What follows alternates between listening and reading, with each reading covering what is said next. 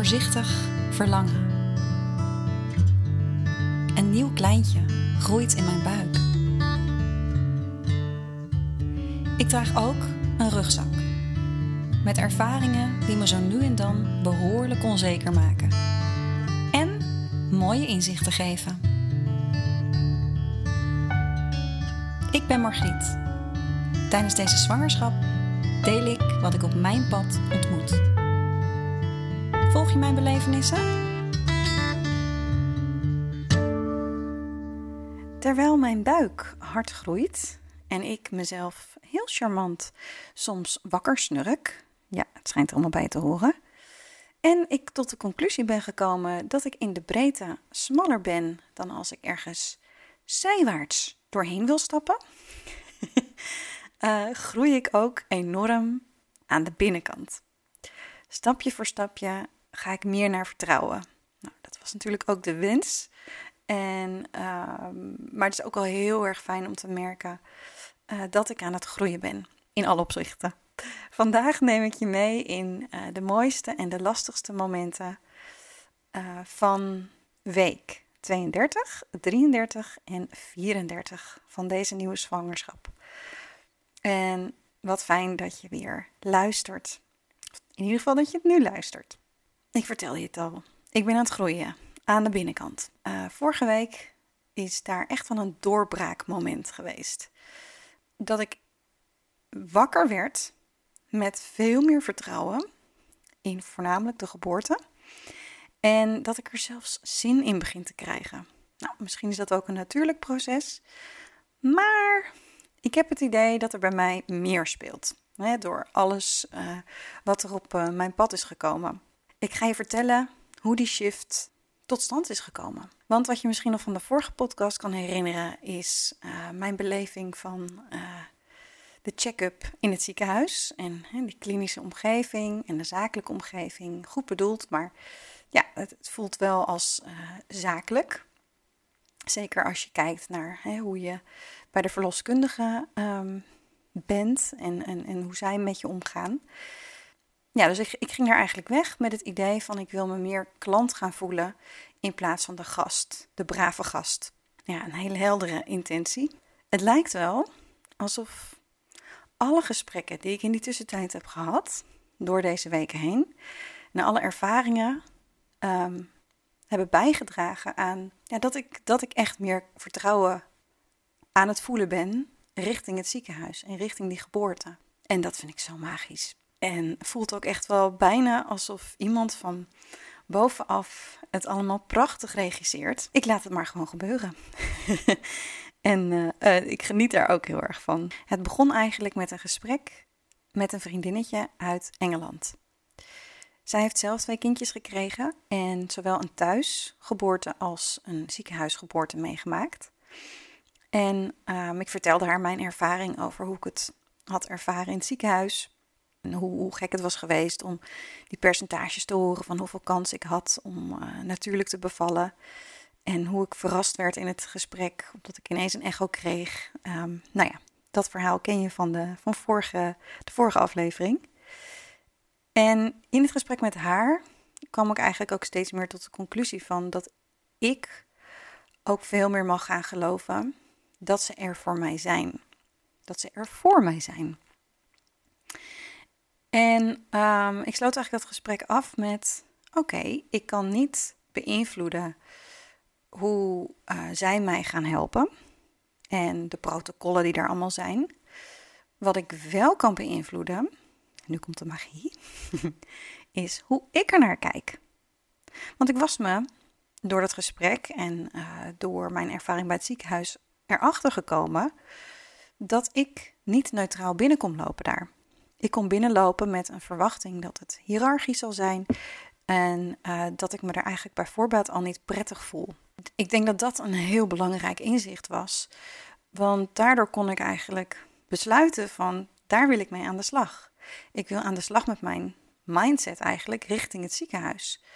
En natuurlijk weet ik wel dat ze uh, er voor mij zijn um, op een ziekenhuisachtige manier. Maar dat is nou precies waar ik ook een beetje bang voor ben. Uh, gezien de ervaring met, uh, met Senna, dat ik ja, het gevoel had dat ik daar op een gegeven moment geen zeggenschap meer had over hoe de geboorte tot stand zou komen. En ehm, dat is ook wel ehm, weer helemaal naar de voorgrond gekomen, uh, die ervaring, omdat we zijn begonnen met een uh, opfriscursus van hypnobirthing. Ik weet niet of je iets weet over hypnobirthing. Um, het is een manier om je voor te bereiden op de geboorte. En het gaat er voornamelijk over dat jij um, als zwangere en partner um, er zo positief mogelijk in staan. En dingen loslaten die uh, misschien belemmerend kunnen werken tijdens de geboorte. Maar je krijgt ook hele praktische uh, ademhalingstechnieken mee. En in dit geval, dat hadden we dus al bij Senna gedaan vier jaar geleden. In dit geval wilden we dat graag opfrissen. En vooral ik, moet ik ook wel zeggen. Dus we hadden dezelfde uh, dame gevraagd om, uh, om ons die opfriscursus te geven. En dat gesprek um, heb ik ook, het eerste gesprek heb ik denk ik ook iets van twee weken geleden gevoerd. En toen hebben we het eigenlijk voornamelijk gehad over hoe is het bevallen? hoe is je bevalling met Senna destijds gegaan? En wat vond je er fijn aan? Wat wil je weer gaan toepassen? En wat vond je er niet fijn aan?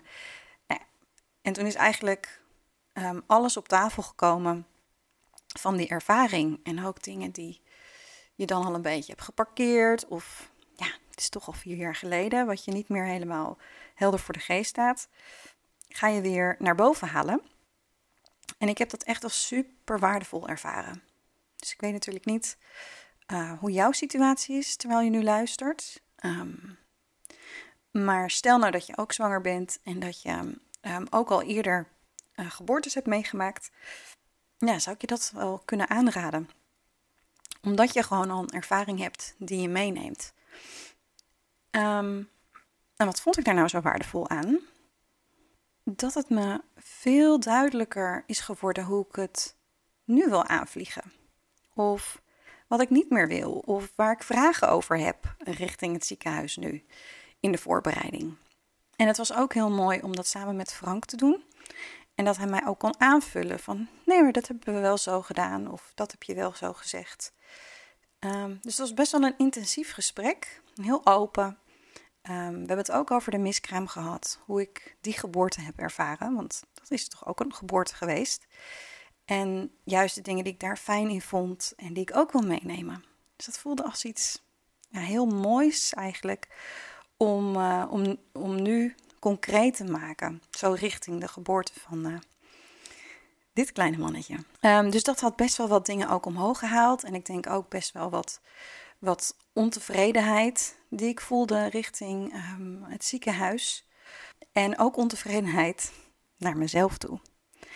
Namelijk dat ik me niet had uitgesproken um, in het moment dat ik van binnen een hele sterke nee voelde. En dat ik toch ben meegegaan wat de verloskundige en de gynaecologe uh, en Frank in dat moment van mij vroegen. Om het concreet te maken, ze vroegen aan mij om um, in een positie te gaan liggen en te persen. Op zich misschien niet heel erg gek, maar dat was iets wat in mijn hoofd um, niet goed zou werken. Omdat als je zo ligt, heb je minder ruimte uh, om het kindje geboren te laten worden. En dat was iets wat ik had geleerd um, en uh, wat ik uh, snap. Dus het ging helemaal in eigenlijk tegen mijn beeld van wat zou kunnen werken. Achteraf hebben we begrepen dat ze dat um, wilde doen om te kijken of Senna daarmee ietsjes verder opschoot richting het geboortekanaal. Want dat is dus niet gebeurd bij haar. Alleen in dat moment wist ik dat natuurlijk niet en werd dat ook niet uitgelegd. Um, nou was het al, al, best wel, weet je een fysiek gebeuren. Dus het is ook niet het moment om dan heel rustig te gaan vragen: Goh, waarom willen jullie dit eigenlijk van me? Of bij mezelf na te denken: wat vind ik hiervan? En toch ben ik uit de situatie gestapt van: ik heb niet duidelijk genoeg mijn grenzen aangegeven. Waardoor zij misschien ook mij hadden kunnen uitleggen en kunnen meenemen in hun beweegredenen. Dat was ook wel mooi van dat drie gesprek wat we dus hadden met die uh, dame van de hypnobirthing. Dat, um, dat Frank zei, nee, maar je hebt het wel gezegd dat je het niet wilde. Alleen je zei dat zo zacht en zo voorzichtig dat wij dachten dat je het niet echt meende. Dat, zo zei hij het niet, maar wel van hè, het kwam over alsof wij jou moesten uh, over, een, over een drempeltje moesten helpen. En ik was eigenlijk wel blij om te horen dat ik dus wel iets heb gezegd. Want ik ben uit die situatie gestapt. En nu, als ik er zo op terugkijk, denk ik, nou, dat heb ik niet handig gedaan. Want uh, daardoor blokkeerde ik van binnen. En dat heeft eigenlijk niemand geweten. Totdat ik er achteraf over ging praten. En ik denk ook dat dat tijdens die geboorte um, nou ja, niet heeft geholpen. Uh, omdat ik wel braaf fysiek probeerde te doen wat ze van me vroegen. Maar intern voelde ik echt uh, ja, een grote weerstand. Het was goed voor mezelf om te horen van nou, ik heb wel iets gezegd, maar ik heb het niet heel krachtig gezegd. Um, en dat is ook iets waar ik nu bewuster mee om zal gaan. En wat ik dus ook echt wel graag wil leren. En ik heb ook het idee dat het daarom nu op mijn pad komt. Zo ben ik nu eenmaal ook een beetje. Dat ik denk van oké, waarom is het hier? Wat kan ik hiermee? Uh, wat wil ik hiermee? Dus um, ik heb een eigenlijk ineens heel helder gekregen van nou, ik wil mijn mindset veranderen richting het ziekenhuis. Dat ze er meer voor mij zijn. Um, dat ik zelf ook meer ga uitspreken richting Frank of richting um, degene die me op dat moment gaan helpen. Ga uitspreken hoe ik me voel, uh, waar ik vragen over heb, waar ik het wel of niet mee eens ben. Dat was eigenlijk het begin van um, ja, die ontwikkeling, zeg maar, dat ik het anders ben gaan, gaan zien. En wat echt zo mooi was, was uh, dat ik een online baby shower kreeg van twee vriendinnen. En een van die vriendinnen die is ergens dit jaar ook, begin dit jaar, zelf mama geworden.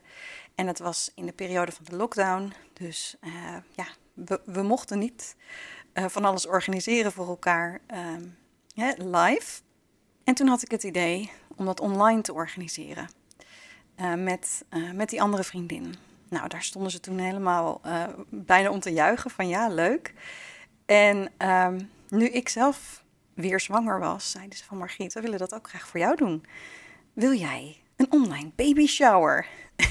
en uh, ik kon alleen maar heel hard ook juichen natuurlijk en zeggen dat ik dat heel graag wilde. Ook omdat we nu weer in een periode zitten waarin we weer minder met elkaar mogen afspreken. En ik vond het de vorige keer ook gewoon heel erg leuk om, uh, om te doen. En nu mocht, ja, nu zou ik dat krijgen.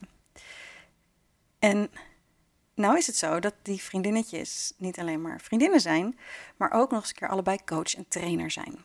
Dus we zijn alle drie, zitten we in hetzelfde vak. En achteraf gezien denk ik ook van, wauw, wat een cadeau was dat. Want ik had helder dat ik wilde groeien in mijn assertiviteit en mijn mindset.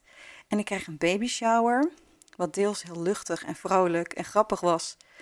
Um, maar ook de diepte inging over, oké, hoe, wil je straks assertiever uh, je opstellen en, en hoe zie je dat dan voor je? Dus het was een, een heerlijke middag. En ik mocht ook eerst um, mijn zwangerschap tekenen. Uh, het pad van mijn zwangerschap. En een lekker muziekje aanzetten. En dan ging ik tekenen. En vervolgens ging ik dat aan hun laten zien. Um, hoe, ik dat, uh, hoe, ja, hoe dat pad is geweest. En daarbij kwam ook de miskraam, de onzekerheid die ik aan het begin van deze zwangerschap heb gevoeld. Um, en ja, ook, ook de hoogtepunten.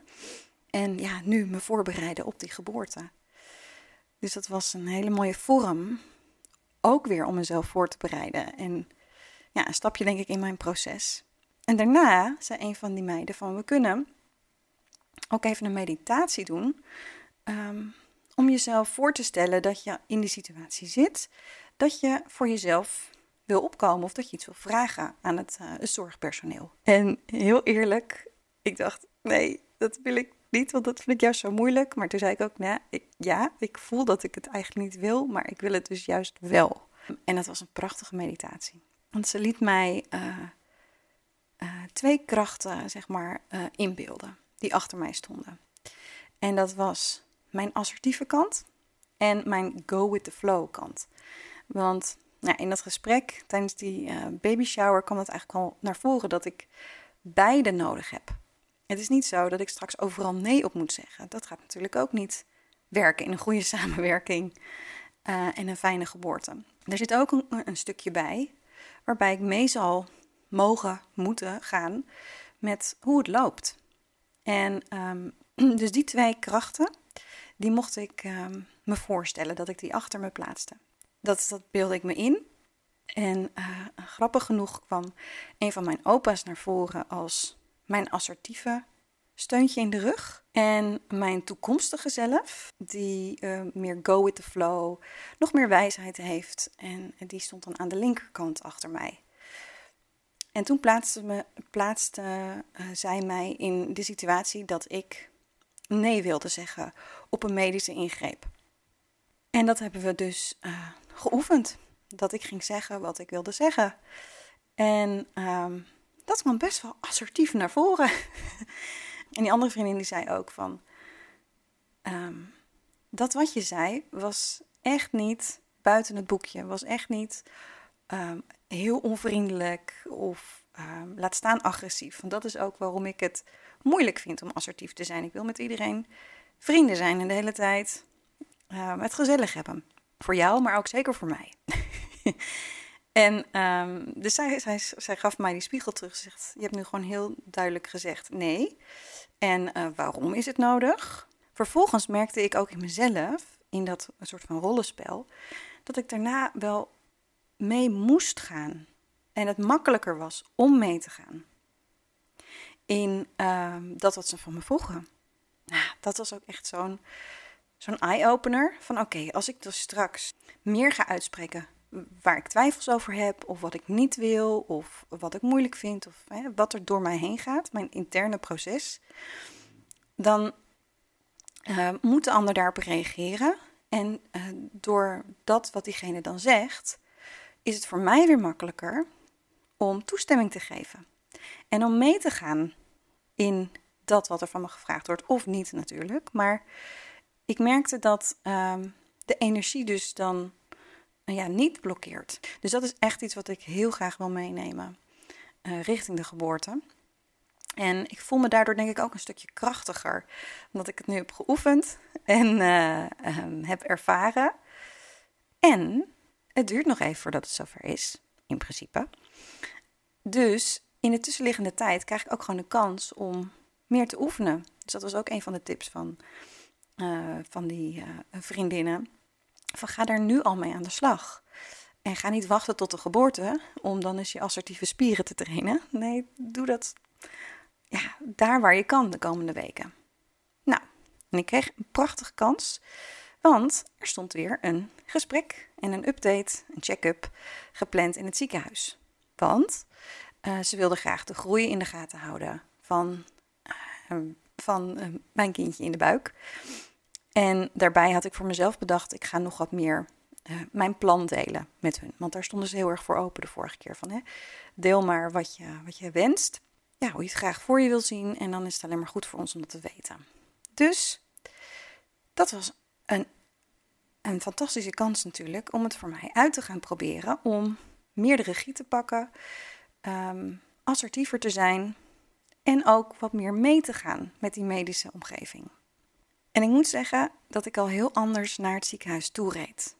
Ik reed al, er al meer naartoe um, ja, met, met veel minder weerstand en meer van: oké, ik krijg de kans om dit nu um, te gaan oefenen om vragen te stellen die ik lastig vind om te stellen.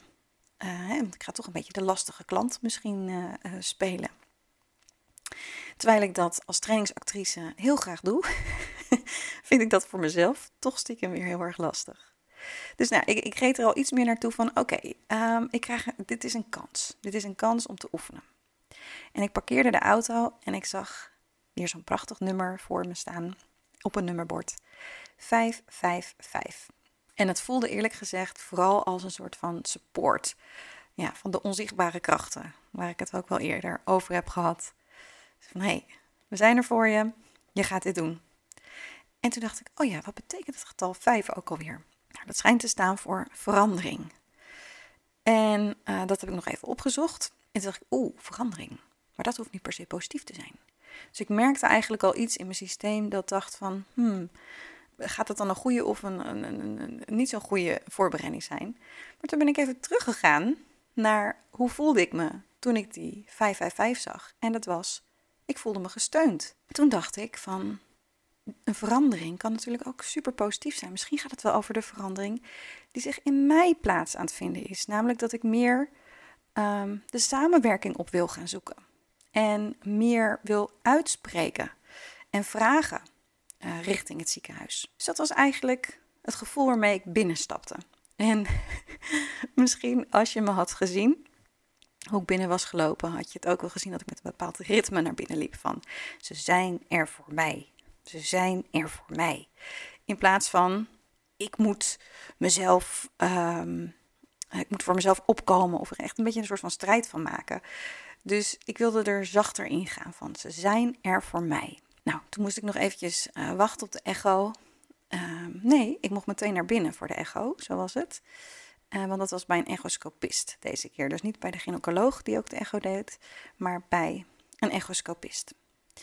En ik weet nog dat toen ik de afspraak maakte, vier weken geleden, dat ik dacht, oh fijn, dan krijg ik eerst een echoscopist. Die zijn waarschijnlijk wat minder artsachtig in de zin van hiërarchie en daar voel ik me misschien al wat meer op mijn gemak. En wat krijg je dan? Deze dame was, ik ga ervan uit, heel kundig, maar die zei bijna niks. Dus ze ging me onderzoeken. En dat was toch wel een beetje spannend, want we gingen kijken naar de groei. Hè, of die uh, weer goed was gegroeid. En, en toen dacht ik, hmm, grappig. Ik had niet verwacht dat ik hier dus al spanning bij zou voelen. Ik had juist gedacht dat ze me meer op mijn gemak zou stellen. Maar dat deed ze dus niet. En misschien heb ik het ook niet laten zien dat ik het spannend vond. Aha, inzicht. Maar wat ik dus ben gaan doen, is vragen ben gaan stellen. Ik heb gezegd van, goh, wat meet je nu? En, uh, want ik dacht eigenlijk toen ik naar, die, uh, naar, dat, naar dat videobeeld keek van, waar is het hartje? Dat is het eerste wat ik doe. Misschien ook wel door hè, wat ik eerder heb meegemaakt. Waar is dat kloppende hartje? En dat zag ik in eerste instantie niet. Maar ze was dus de buikomvang aan het meten. Kindje is natuurlijk nu zo groot dat het ook niet meer geheel makkelijk in het plaatje uh, uh, te krijgen is.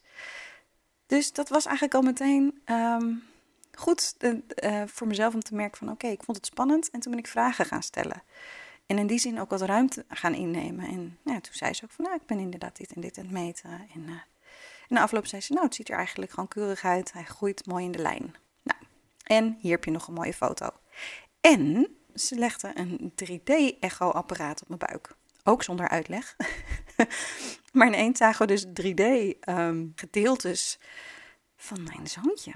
Alleen, hij lag met zijn voet voor zijn hoofd. Dus ik heb echt alleen maar een glimp kunnen zien van zijn neusje en zijn oogje en zijn mondje in 3D. En dat dat voelt zo magisch. Um, ik ben natuurlijk ontzettend zwanger en, en, en me zelfs voor aan bereiden op de geboorte. En dan nog, ik weet niet of je dat herkent, maar dan nog overvalt het me dat er echt een kindje in mij groeit en woont en aan zit te komen. En ik vond eigenlijk ook wel mooi dat het een glimp was. Dat ik nog niet alles kon zien. Zo van nee, mama nog een beetje geduld. Um, dat vond ik eigenlijk wel iets magisch hebben. Dus ik liep naar buiten met een mooie echofoto en ook ja, de geruststelling dat hij in zijn eigen lijn goed groeit. Toen moest ik nog even wachten op de gynaecoloog die me daarna nog um, uh, wilde spreken en nog uitleg wilde geven.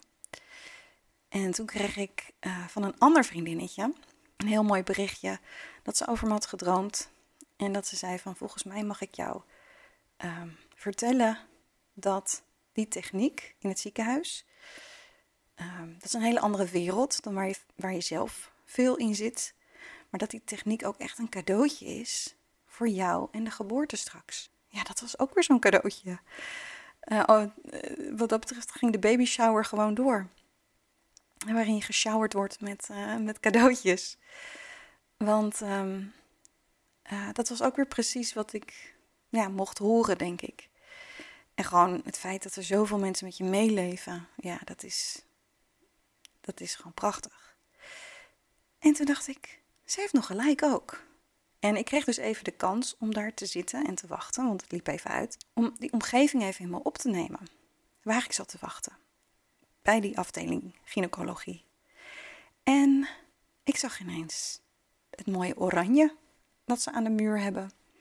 Oranje staat voor geluk. Dat, dat, dat, dat soort dingen begon ik te zien. Ik dacht, oh, hebben ze goed over nagedacht, over die kleur. En er was een heel lief kindje uh, aan het rondrennen. En die was iedereen vrolijk aan het maken in die wachtkamer.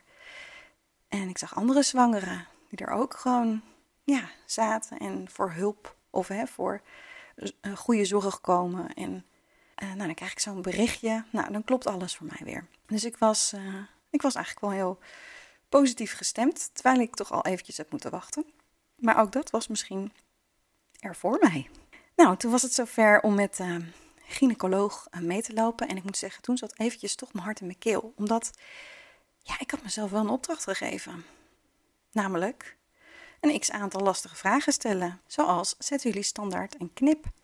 Um, als je dus al hè, met een soort van medisch verleden binnenkomt. En um, hoe zit het hiermee? Hoe zit het daarmee? Dus ik, ja, ik wist wel dat ik voor mijn gevoel lastige vragen ging stellen. Um, dus ja, op het moment dat ze me dan meeriep om mee te gaan, nou, toen voelde ik het wel eventjes soort van, oké, nu gaat het beginnen. dat viel eigenlijk meteen van me af, omdat ik legde de echofoto's op, uh, op de tafel die tussen ons in stond. En ze zegt, oh, wauw. En ik dacht, nou, je ziet toch wel vaker echofoto's, lijkt me. Uh, maar ik zei, ja, ja, mooi hè? Ja, ik vind het natuurlijk ook prachtig. Het is mijn zoon. Uh, maar toen zei ze, nou, ik heb nog niet eerder de foto's van dit nieuwe echo-apparaat gezien. dus toen moest ik eigenlijk wel weer heel erg hard lachen, want uh, ik snapte daardoor haar verwondering nog meer. Het was echt oprecht van, oh, wat maken we nu mooie foto's. In plaats van, wat een mooie foto van jouw kindje. Nou goed, dat brak het ijs, denk ik. Deze dame was een andere um, gynaecoloog dan de vorige keer. En um, ja, die maakte op de een of andere manier veel meer contact met mij. Van, hè, hoe voelt u zich? En dan denk je, dat woordje u hoeft al niet, maar goed. En toen heeft ze ook heel duidelijk uitgelegd uh, wat ze hebben gemeten. En het bleek dus dat, dat hij eigenlijk op alle punten gewoon goed groeit. Alleen zijn buikomvang is ietsjes minder. Maar die lijn zet zich wel mooi door. Dus ze zegt, uh, ik ben tevreden. Nou, dus dat was natuurlijk het eerste en het belangrijkste misschien wel om even in dat moment te horen. En toen zei ik van ja, ik wil ook wel graag een aantal vragen stellen richting de geboorte. Um, ja, kan dat nu? Nou ja, goed, ze zijn natuurlijk ja, prima. En toen heb ik, ben ik eigenlijk begonnen met van nou, ik wil graag um, straks een goede samenwerking hebben um, met, uh, met jullie. En dat is de vorige keer voor mijn gevoel niet helemaal gelukt. Ook omdat ik mezelf niet goed kon uitspreken. En dat is iets waar ik mee aan de slag wil gaan. Ik wil meer delen met uh, hoe ik het ervaar en uh, vragen stellen. Ja, ze luisterde eigenlijk gewoon heel erg aandachtig. En toen zei ik van, ja, ik ben hoogsensitief. En toen dacht ik, zeg ik dit nu echt? Zeg ik dit nu echt in een ziekenhuis tegen een gynaecoloog? Nou, het is allemaal mijn eigen mindset, hè? Maar ik zei het dus echt, want ik was wel van plan om dat in mijn geboorteplan, voorkeuren, uh, document te gaan zetten. Want ik denk echt dat het goed is voor hun om te weten. Voor mij is hoogsensitiviteit, uh, ik weet niet of je daar uh, iets van weet. Vast wel, denk ik, als je naar deze podcast luistert. Nou, voor mij betekent het dat al mijn zintuigen um, ja, echt super aanstaan. Gewoon standaard al. Um, het licht dat binnenkomt, geuren die binnenkomen, geluiden die binnenkomen, maar ook gevoelens, ook wat er gezegd wordt uh, van de ander en van mezelf. En ik kan daar enorm van genieten. Want de mooie momenten komen zo binnen. Maar de moeilijke momenten, of de, de, bijvoorbeeld als iemand vrij streng iets tegen me zegt, ja, dat voel ik al als een nummer 10. Terwijl iemand anders misschien denkt, nou, het was een 2. Dus dat is hoe ik hoogsensitiviteit uh, zie. En um, ik wil het ook graag met hun delen, zodat ze er enigszins rekening mee kunnen houden. En ik dacht ook, hoe meer mensen um, dit soort dingen delen met ja, toch wel de, medische wereld, hoe meer er ook rekening mee gehouden kan worden. Dus ik sprak dat zo uit en het was eigenlijk gewoon heel uh, ja, aandachtig aan het knikken. Maar ik weet wel dat ik nog even dacht van, oh, ik had niet gedacht dat ik dit zo, zomaar zou zeggen. En ik denk dat dat te maken heeft met twee dingen. Met dat ik me had voorgenomen van ik ga open en eerlijk zijn en ik ga nu al oefenen met delen wat er aan de binnenkant speelt en ja, iets meer de regie pakken. ten tweede de sfeer die zij neerzetten. De openheid, het vragen, de, de grapjes tussendoor. En wat dat betreft was er ook gewoon een goede klik. En voelde ik veel minder afstand. En zag ik veel meer uh, de mens uh, die, die mij, of het mens, dat mij helpt op dat moment. Dus dat heb ik gedeeld. Toen heb ik een aantal van mijn vragen gesteld en daar reageerden ze eigenlijk ook heel prettig op. Ze zei, nou ja, dit staat wel in ons protocol. Bijvoorbeeld um, dat je oxytocine krijgt nadat je kindje is geboren, zodat de placenta makkelijker geboren wordt en ook met minder bloedverlies. Nou, daar zijn de meningen over verdeeld. Ze zegt, hè, dat, dat, dat is iets wat bijvoorbeeld bij ons wel um, uh, wat we doen. ik denk dat dat voor veel ziekenhuizen geldt. Uh, maar ze zegt, als jij dat echt niet wil, uh, ja, jij bent, jij bent de baas. En dat was gewoon even goed om te horen. En ik merkte dat ik daardoor ook meteen verzacht en dacht, nou ja, goed, als jullie dat doen, kan ik me daar ook iets bij voorstellen. Dus ik merkte eigenlijk datzelfde als wat ik in de een meditatieoefening tijdens de online baby shower had gemerkt. Dat op het moment dat ik assertief, in dit geval vraag, of ook echt vraag van hè, hoeveel ruimte krijg ik daarvoor, dat ik veel makkelijker kan meegaan met hun wijsheid en met hun visie. Nou, zo nog een paar dingen. Ja, het was gewoon eigenlijk een heel open gesprek. En ik had bij alles het gevoel van het is niet gek wat ik vraag. En dat zei ze ook, van nou, alles wat je nu vraagt is niet gek. En ehm, we willen wel graag dat je goed blijft nadenken ook over hè, waarom wij dingen doen. En ze zegt op het moment dat er, dat er natuurlijk iets van spoed is, ja, dan gaan we minder overleggen. Nou, dat snap ik ook. Ehm, maar daartussen um, is er heel veel mogelijk. Dus we hadden zo'n heel fijn gesprek gehad. En toen zei zij, en daar schoot ik bijna van vol. Wat mooi hoe je nu al de regie pakt. En ik dacht: Wauw, dit is iets wat een coach zegt, of een trainer, of een beste vriendin. Maar ik had niet verwacht dat ik dat van de gynaecoloog zou horen. En dus ik vloepte eruit. Oh, wat lief dat je dat zegt. Uh, ja, dat was eigenlijk een hele mooie afsluiting van dat gesprek. En met die gedachte ben ik ook naar buiten gelopen van... Zo, poeh, dat heb ik gedaan. Ik heb me vragen gesteld die ik wilde stellen. En ik heb mijn ruimte gepakt. Ik heb dingen betwijfeld hè, of stevig doorgevraagd over dingen. Op mijn manier. En het was een goed gesprek. Nou ja, dus met, met ja, het voelde, ik wil zeggen een overwinning. Maar vooral een persoonlijke overwinning. Van, oh, weet je wel, ik, ik kan dit. En ik, ik uh, natuurlijk op het moment dat straks de geboorte daadwerkelijk plaatsvindt, ben ik in een andere staat. En dat realiseer ik me ook heel goed. Maar het feit dat ik het nu al meer op die manier voor mezelf voorbereid. Ja, ik denk echt dat, daar, ehm, dat ik daar heel veel aan ga hebben. En vooral ook dat ik wen aan die setting. En dat ik wen aan die mensen. En dat ik de belemmeringen die ik zelf voel, dat ik die, dat ik die drempels verlaag. En dat ik gewoon zij zijn natuurlijk ook gewoon mensen. En zij willen ook echt gewoon graag goede hulp bieden. Dat zei iemand ook laatst van de week. Van, maar ze willen graag jou zo goed mogelijk helpen.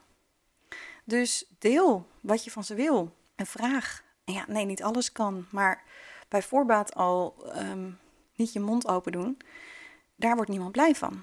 Dan kun je ook niet echt die samenwerking aangaan. Ja, daar ben ik eigenlijk wel helemaal van doordrongen. En ik, ik liep ook met dat gevoel naar buiten. En um, nou ja, we zijn er nog niet. maar dit is wel, ja, dit voelde als een grote, een grote persoonlijke doorbraak. De volgende ochtend werd ik dus ook echt wakker met vertrouwen eh, en meer samenwerkinggevoel met het hele ziekenhuis. En dat ik er zelfs zin in begon te krijgen. Want dat is wel gek eigenlijk, dat ik zo nu met die geboorte bezig ben en met mijn eigen aandeel daarin dat je bijna vergeet dat het gaat om het krijgen van een kindje. Want dat is natuurlijk uiteindelijk waar het om gaat. Maar goed, dit is ook weer een, een, een stap in mijn proces. Ik geef er zoveel aandacht aan omdat ik denk dat ik hier wat te winnen heb. Vooral richting dat vertrouwen. Als ik, als ik ook een beetje zo terugspoel hè, richting al die, die weken van zwangerschap en ook het delen van mijn verhaal met jou, dan had ik eigenlijk niet kunnen denken dat ik nu hier zou zitten met dit vertrouwen. En er zijn echt gerust nog momenten dat ik, uh, dat ik even twijfel of dat ik even iets spannend vind. En ik voel, ja, ik voel die verandering in mezelf. En ook vooral dat, dat ik het niet aan de buitenwereld laat om, om het te veranderen, maar dat ik, dat ik er zelf mee aan de slag ga. En al die lieve mensen in mijn omgeving die zo goed op mij afgestemd zijn en de juiste dingen zeggen of vragen. Uh, en zelfs oefenen met me. Ik bedoel, wauw, wat een cadeau. Dus ja, dit was nogal een, uh, een, een, een, ja, een periode uit de zwangerschap, wil ik bijna zeggen, die, uh, die belangrijk is voor mij. Wat ik ook heb gedaan, dat zal het zijn geweest twee weken geleden, een weekendje weg met mijn dochter Senna. Ja, zij is nu nog natuurlijk de enige. En Frank had ruimte nodig om thuis wat klusjes te doen. En ik had nog een een, een bon liggen om uh, een weekendje weg te gaan. Dus Senna en ik zijn lekker naar de Veluwe gegaan op de meest regenachtige uh, vrijdag, zaterdag en zondag. Maar we hebben genoten. We hebben lekker gezwommen en we zijn naar de dierentuin gegaan. We hebben echt gewoon ook meidendingen gedaan. We hebben arm in arm uh, gelopen en gesprekjes gehad over van alles en nog wat. Gekwartet de Dikkie Dik kwartet, die heeft overuren gedraaid. Ja, het was gewoon echt heerlijk om volledig even de aandacht te hebben voor Senna. En voor mij en Senna eigenlijk. En ik merkte ook dat het allemaal heel lekker verliep. Terwijl thuis hebben we nu af en toe best nog wel eens strijd. En merk je nou ja, dat ze vier is en dat ze ergens iets van vindt. En ehm, dat vind ik best wel lastig, ook nu met de zwangerschap, omdat ik gewoon vermoeider ben. Maar dat hele weekend, dat ging vanzelf. En het voelde echt als een beetje een uh, vriendinnenweekend. En ik vind het altijd een beetje suf als, als ja, van hè, mijn moeder is mijn beste vriendin. En dat wil ik ook zeggen, ook echt niet opdringen dat ik haar vriendin wil worden. Maar het is wel heel erg leuk als je merkt dat dat eigenlijk het geval is. In ieder geval zo'n weekendje. En uh, het grappigste moment wil ik nog eventjes uh, tot slot met je delen. We zijn naar de dierentuin in Arnhem geweest. En die hebben dus een, een, ehm, een soort doom noemen ze dat geloof ik. Een soort van um, binnenjungle. Um, tropische vogels vliegen in het rond. En restaurantjes en een stukje woestijn en zo. Nou, ik liep daar met Senna. En ik zag een mooie vogel. Dus ik ga door mijn hurken en ik wijs haar die, die mooie vogel aan. Dus ik zeg, kijk eens Senna, wat een mooie vogel. En terwijl ik dus door mijn hurken zit, glij ik heel langzaam, heel charmant om. en dan zeker ook nu met het gewicht van die zwangerschap, ja, dan weet je eigenlijk al van deze balans ga ik niet houden. Dus ik rolde heel zachtjes om. Maar ik rolde om in de modder. Dus mijn handen zaten onder, onder de modder en ik steek mijn hand uit en ik vraag aan Senna: Wil je mama helpen opstaan? En ze kijkt naar die hand en ik zie haar denken van ja, ik wil mama best helpen, maar dit ga ik niet doen. dus ze zegt nee. Over grenzen aangeven en voor jezelf opkomen gesproken. En dus uh, toen moest ik zo lachen, want ik dacht, moet je me hier nou eens zien liggen? En, en met die vieze handen en een vieze vlek op mijn broek. En um, een dochter die me niet wil helpen. Dus ik vond het eigenlijk vooral heel erg komisch. Dus nou, ik ben zo goed en zo kwaad als het kon zelf overeind geklauterd. En uh, een paar lieve mensen verderop, die hadden het gezien. Die zeiden, van, hier om de hoek is een wc hoor, dan uh, kun je even opfrissen. Dus dat hebben we ook maar meteen gedaan. En um, nou ja, echt zo'n onbetaalbaar moment, wat ik ook uh, niet, niet snel zal vergeten. Wat ook zo leuk is, is dat Senna steeds meer uitkijkt naar die kleine. We keken laatst naar de regenboog en toen zei ik, wat wens jij Senna? dat mijn broertje snel komt. Ik van, oh, wat, ja, dat is natuurlijk heerlijk om te horen. Ik heb wel gezegd van, laat hem nog maar even zitten. laat hem nog maar even verder groeien en in zijn eigen timing uh, komen. Maar ja, dat ze zich er zo op verheugt is natuurlijk heerlijk. We hebben nu ook het ritueel dat ze af en toe uh, uh, tegen mijn buik praat en dan zegt, kietel mama eens. En dan gaat hij vaak bewegen. Nou, dat vindt ze helemaal geweldig. Want uh, zij kietelt me aan de buitenkant en hij kietelt mij aan de binnenkant. Nou. Met die uh, uh, lieve scène wil ik het gaan afsluiten. Als je een keer iets met me wilt delen, weet dat ik er dan ook voor jou ben. Voor nu, heel veel liefs voor jou. Hopelijk heb je genoten van deze aflevering van Voorzichtig Verlangen en heeft het je iets gebracht. Wanneer dat zo is, dan maak je me heel blij met een positieve beoordeling. Misschien ken jij iemand die nu zwanger is en ook onzekerheid ervaart. Dan is deze podcast voor haar en mag je hem zeker delen.